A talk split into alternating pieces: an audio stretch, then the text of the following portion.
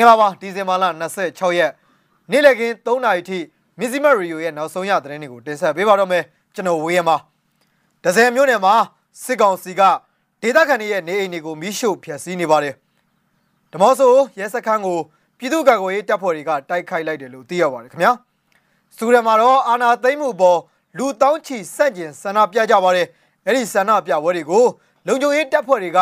မျက်ရည်ကိုဘုံနဲ့ဖြိုခွဲတယ်လို့သိရပါတယ်ခင်ဗျာ PDF ထံကိုပူးပေါင်းလာတဲ့ပြည်ခိုင်ပြိုးပါတီမြို့နယ်စီယုံရင်မှုရဲ့ဖွင့်ဟဝန်ခံချက်ကိုလည်းနားဆင်ရမှာပါဒီသတင်းတွေနဲ့အတူဒီကနေ့နေ့လယ်ပိုင်း3နာရီထိနောက်ဆုံးရရှိတဲ့သတင်းတွေကိုတင်ဆက်ပေးမှာပါခင်ဗျာပထမဆုံးအနေနဲ့တင်ဆက်ပေးခြင်းတဲ့သတင်းတစ်ပုဒ်ကတော့စကိုင်းတိုင်းဒဇယ်မြို့နယ်ရေဦးကုန်းအုပ်စုမြောက်အင်းကျေးရွာမှာအကြမ်းဖက်စစ်ကောင်စီကဒီနေ့ဒီဇင်ဘာလ26ရက်နေ့မှာပြည်သူတွေရဲ့နေအိမ်တွေကိုမိစတင်ပြီးတော့ရှို့နေကြောင်းဒေသခံတို့ကပြောပါတယ်ခင်ဗျာမနက်ပိုင်း7နာရီလောက်ကတည်းက ချောင်းစုံရွာဖလန်ချိုက်ရေဦးကုန်းရွာတွေကိုခြေလင်ဆင်းလာခဲ့တာပါမြောက်အင်းရွာကတော့7နာရီခွဲလောက်မှာစပြီးတော့မီးရှို့နေတာဗျမီးတင်ရှို့နေတာအိမ်6လုံးလောက်ရှိသွားပါပြီလို့ဒေသခံတို့ကပြောပါတယ်လက်ရှိချိန်မှာတော့မီးတောက်အရှိန်ပိုများနေပြီးနေအိမ်တွေကိုမီးဆက်လက်လောင်နေပြီးရွာသူရွာသားတွေအားလုံးကတော့တောထဲမှာရှောင်နေကြတဲ့အတွက်မီးငိမ့်တက်နိုင်ခြင်းမရှိပါဘူးခင်ဗျာမြောက်အင်းကျေးရွာမှာရှိတဲ့နေအိမ်တွေကိုမီးရှို့တဲ့အကြမ်းဖက်စစ်ကောင်စီတပ်ဖွဲ့ဝင်တွေကလက်ရှိချိန်မှာမြောက်အင်းရွာကနေထွက်ခွာသွားပြီး မြောက်အင်းရွာမြောက်ဖက်အထွက်မှာမိုင်းတလုံးဖောက်ခွဲတိုက်ခိုက်ခံရကြောင်းဒေသခံတွေကပြောကြပါတယ်ခင်ဗျာအဲ့ဒီတိုက်ခိုက်မှုမှာတော့စစ်ကောင်စီဘက်ကကြာဆုံးမှုအခြေအနေကိုတော့မသိရသေးပါဘူးခင်ဗျာ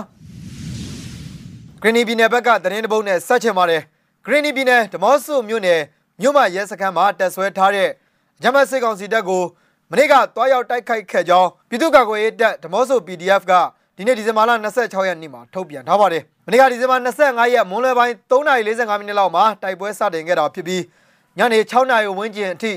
နှစ်နာရီကြာတိုက်ပွဲမှာစစ်ကောင်စီဘက်က3ဦးသေဆုံးပြီးဒဏ်ရာရသူတွေရှိခဲ့ကြောင်းသိရပါတယ်။ဓမ္မဆုံမြို့မှာရဲစခန်းမှာအထိုင်ချထားတဲ့အကြမ်းဖက်စစ်ကောင်စီတပ်အင်အားကတော့တရားဝန်းကျင်ရှိကြောင်းလဲဓမ္မဆုံ PDF တာဝန်ရှိသူတို့ကမြစည်းမကိုပြောပါတယ်။ကျွန်တော်တို့မြင်လိုက်တာကအပြည့်အလှန်ပြစ်တော့သူတို့ဘက်က3ယောက်လောက်သေမယ်။ စခန်းနဲ့သူတို့ပြန်ဝင်သွားတော့ကျွန်တော်တို့လိုက်လို့မရဘူးဘန်ကာတွေဘာတွေနဲ့စောက်ထားတော့လေလို့သူကပြောပါတယ်အဲ့ဒီတိုက်ခိုက်မှုကိုပြည်သူ့ကာကွယ်ရေးတပ်ဓမော့ဆို PDF နဲ့ KGZ တပ်ဖွဲ့တွေပူးပေါင်းတိုက်ခိုက်ခဲ့တာဖြစ်ပြီး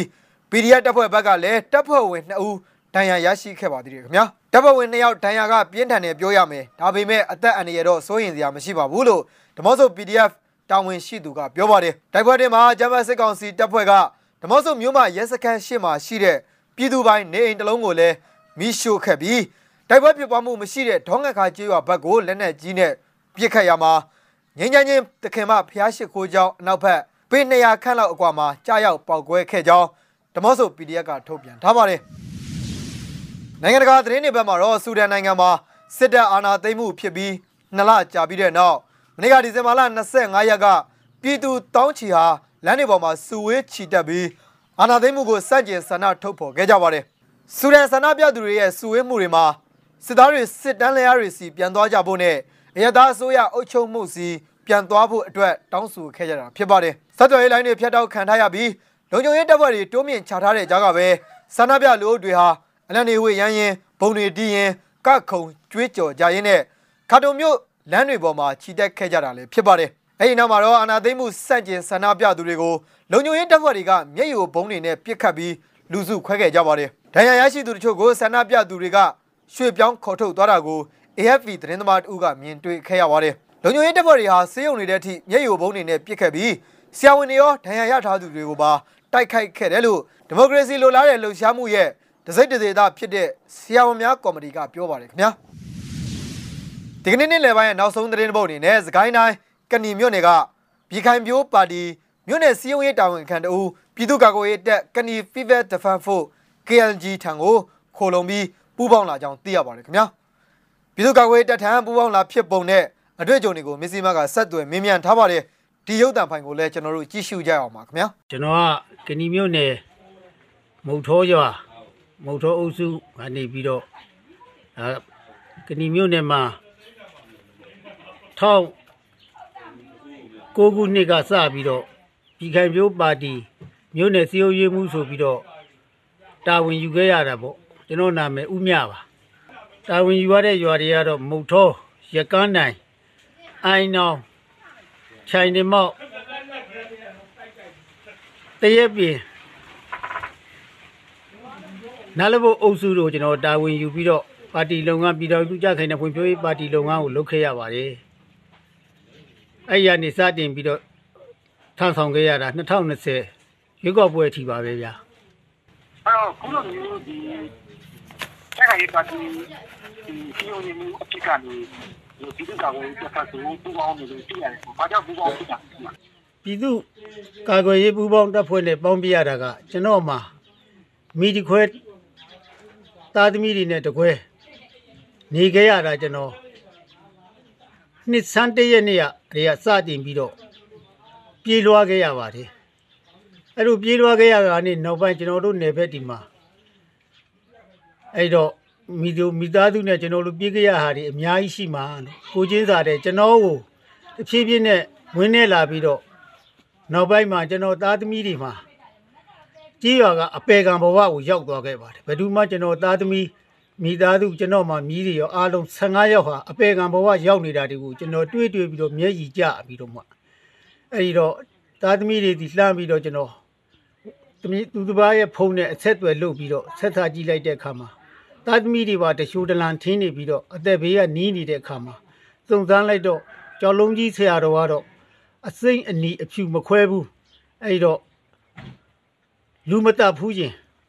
အပြစ်မရှိရင်လာရဲ့အကုန်လုံးပြည်သူနဲ့အများပူးတွဲပြီးလုပ်ငန်းလုပ်လို့ပြီးတော့ပူးပေါင်းပြီးတော့ဒါဆောင်ရွက်သွားကြရပါမယ်ဆိုတာသတင်းကြားလို့ကျွန်တော်အနေနဲ့ပြည်သူနဲ့ပူးပေါင်းပြီးတော့ဒီနေ့ ပါတီလုပ်ငန်းကနှုတ်ထွက်ပါတယ်ဆိုပြီးတော့ကျွန်တော်ပြည်သူအများသိအောင်ကျွန်တော်ဘဒုမှလည်းအသက်တည်အောင်လည်းမတတ်ခဲ့ပါဘူးမစော်ကားခဲ့ပြီပါဘူးဒီနေ့ကိုတွေ့မိသားစုတွေကြုံတွေ့ရတဲ့အခက်အခဲတွေကြောင့်မို့ကျွန်တော်မှာအဲ့တော့ပြည်သူနဲ့ပူးပေါင်းလို့ရတယ်ဆိုတော့ကျွန်တော်မှာအပြစ်မရှိတဲ့အတွက်ကျော်လုံးကြီးဆယ်တော်ဒီကိုဆက်သွယ်ပြီးတော့ကျွန်တော်ဒါကျွန်တော်သဘောထားနဲ့ကျွန်တော်ပါတီကနှုတ်ထွက်ပြီးတော့တာဝန်လုံးဝမထမ်းဆောင်တော့ပါဘူးဆိုတော့ကျွန်တော်ရဲ့အမှားတွေကိုနောင်တရပြီးတော့ကျွန်တော် ပြည်သူကာကွယ်ရေးတပ်နဲ့ပူးပေါင်းရတာပါ။အဲတင်ကသာသမီတွေလည်းရှိတယ်၊ရင်းနှီးတွေလည်းရှိတယ်ဆိုတော့သူတို့သူတို့အောင်ဒီလိုမျိုးအခုကျွန်တော်တကြိုတလာလို့ထင်ခန်းနေရပြီးချောင်းနေရတဲ့ချိန်မှာဆက်ကြရတော့အဲ့လိုပြောတယ်။သူရဲ့သဘောထားဘယ်လိုရှိလဲရှိတယ်ဗျသူတို့ကငိုပြီးတော့အဖေရဲ့ဒီပါတီကိုမလုပ်ပါနဲ့လို့ပြောတာသူတို့မှတချို့တလန်ထင်ပြီးတော့အဖက်ဖက်ကိုရွာပုဂ္ဂိုလ်တွေကပြစ်ပယ်ထားတဲ့ဟာပဲအဖက်ဖက်ကကိုပြစ်ပယ်ထားတဲ့ဘဝရောက်လို့ငိုပြီးတော့ ဒါကျွန်တော်သားသမီးတွေနဲ့ကျွန်တော်တွေ့ခဲ့ရတယ်ကျွန်တော်မနေ့ကမြဲရှိကိုပဲဆက်လိုက်ကြခဲ့ပါတယ်သားသမီးလေးတွေပြီးတယ်အားလုံး15ရောက်လာပြီးကတော့တယ်ဗျကျွန်တော်အသက်အခု60နဲ့6နှစ်ထဲကျွန်တော်ရောက်ပါ။ဟောအဲ့ဒါကိုဒီလိုမျိုးပူပေါင်းလိုက်တဲ့အတွက်သူတို့တိတ်လုံးချုံသွားပြီးကြာမှသင်ကြသွားပြီးဒီပေါ်လာတာပြပြပါအောင်ဟုတ်တယ်ဗျသူတို့ကို တချို့တလန်ထင်ပြီးတတ်ဖို့ရအောင်ကြံတည်တဲ့အခါမှာသားရီသမီးတွေကကျွန်တော်ဒီကကျွန်တော်ဖုန်းမရှိတော့ကြံတဲ့မြဖုန်းကိုကျွန်တော်အိမ်နာနေပုံနဲ့ဒီနာဖုန်းနဲ့လှမ်းဆက်သွယ်လို့ကျွန်တော်သိရတာပါ။ဟောဟုတ်ကဲ့ပါသူတို့ကလည်းအခုမှကျွန်တော်ပြန်လာလို့ပူပေါင်းမယ်စိတ်ချငါသားသမီးတွေဒီပါတီလုပ်ငန်းနဲ့လုံးဝမဖေးမလုပ်ဘူးစိတ်လည်းမဝင်သားတော့ဘူးဆိုပြီးတော့ကျွန်တော်